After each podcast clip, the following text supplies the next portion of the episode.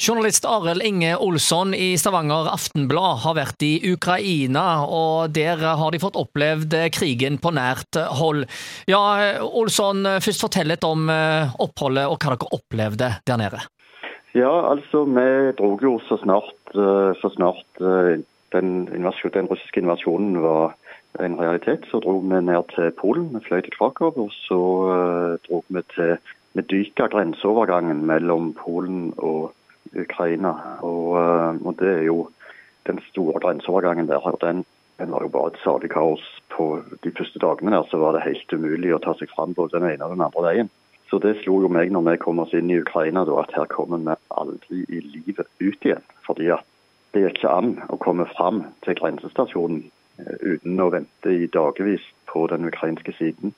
Og da var Vi kjørte altså langs en 65 km lang bilkø innover i Ukraina med folk som da var på vei mot, mot Polen og, og, vest.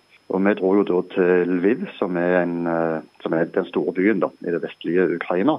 Og brukte det som base, da, fordi at det er et ganske trygt område å, å være i. Selv om det har vært noen luftangrep både innledningsvis og nå i helgen, så vil jeg, så vil jeg si at uh, det, er et av stedene å oppholde seg i Ukraina. Så det var en grei base å ha for oss. da.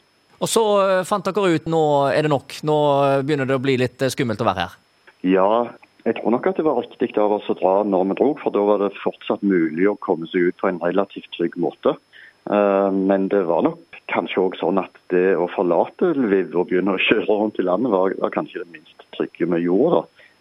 For vi tenkte jo at det å dra til den Medyka grenseovergangen mot Polen, det kan vi bare glemme, for der vil vi ikke komme gjennom i det hele tatt. Men så fikk vi tak i en sjåfør, og han mente at det var smartere å kjøre sørover. og Da hadde vi òg vært i kontakt med andre skipsstedaviser som VG og Aftenposten, og de kunne fortelle at de kom seg inn. Eh, altså De dro ut av Ukraina, de òg. De hadde vært i Kiev-området. og De kom seg inn i Romania, men det var ganske lang venting på grensen for dem. Så vi kjørte mot Slovakia, der sjåføren visste om en litt sånn ukjent grenseovergang som sikkert ikke var så veldig belasta. Og det hadde han helt rett i. Så, det var en måte for oss å komme seg ut på. Der sto vi i kø kanskje en times tid. fordi at uh, to be honest, vi er jo med i EU på et vis. Så det var mulig for oss akkurat der å gå forbi flyktningkøen og komme inn i Schengen-inngangen på grensen. Det tok en times tid, og så, så var vi igjennom. Og så var det kanskje sånn at de stakkarene som var bak oss i flyktningkøen akkurat da når vi kom sånn i fem-seks-tiden om ettermiddagen, de var sikkert ikke over den grensen før neste morgen. Men da er det jo òg sånn at den turen som vi kjørte på veier rundt i fjellene i Karpaten. Vi måtte liksom kjøre hele veien på, eh, på veier som var så garantert sikre som mulig av den ukrainske hæren, og som ble holdt under oppsikt av de som kjørte gjennom en masse militære kontrollposter hele tiden. da. Det høres jo ut som eh, litt av eh, en tur, dette. Altså, det er jo ikke en vanlig dag på jobben? Fem dager på jobben, faktisk. Men det er klart at å være i en krigssone sånn som det, du må jo ta dine forholdsregler. da, som reiser jo med en del sikkerhetsutstyr, sånn som skuddsikre vester, hjelmer, avansert førstehjelpsutstyr. Eh, massevis av ting som, som, er tungt å dra på, men som kan være godt å ha i tilfelle ting drar seg til. Har dere vært i sånne krigsområder tidligere? Ja, jeg har vært i det i Midtøsten. Og fotograf Finn Våga, som jeg reiste sammen med nå, han, han var på Balkan på 1990-tallet. Det er jo dramatisk å ta seg inn i sånne krigssoner eh, som eh, journalist. Blir du redd noen gang? Ja, selvfølgelig. Eh, det ville vært feil å si at jeg aldri var usikker, i hvert fall.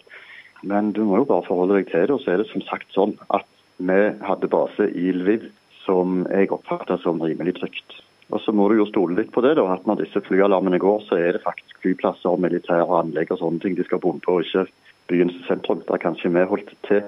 Men det er jo eh, en vanskelig tid for ukrainerne, dette. ikke sant? Altså, det er det er blendingspåbud. altså Det skal ikke, skal ikke være lyskilder på eh, etter mørkets frembrudd. Det er portforbud fra klokken ti om kvelden til klokken syv om morgenen. Så det var jo sånn at når vi sto opp om morgenen og, og, og, begynte å jobbe, så visste vi jo aldri hvor vi kom til å havne hen eh, til kvelden kom. Så det er jo sånn eh, sove på et gulv her og på en sofa der i beste fall. Men det går nå, det òg.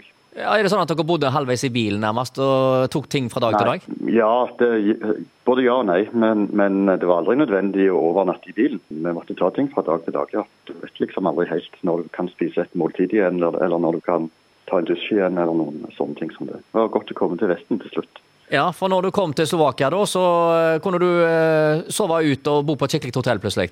Ja, da hadde faktisk Aftenbladet ordnet med en taxi til oss som sto klar med varmeapparat på og kjørte oss til Budapest, så det var fint. Ja, Fantastisk. Eh, dette er jo noe som eh, en selvfølgelig husker. Altså, du skriver jo fortsatt om det som skjer eh, der nede. Har du fått et ja. unikt perspektiv, føler du, i, i Aftenbladet nå? Ja, helt klart. Og så har vi òg fått et nettverk av kilder som vi snakker med daglig, og det er fint. Det gjør at vi kan fortsette å produsere unike nyheter som ikke, som ikke, er nøyaktig det samme som det som kommer på de store internasjonale byråene. Og Nå skal vi faktisk ha dagens Ukraina-møte her i Aftenbladet, så jeg må nesten få lov å gå.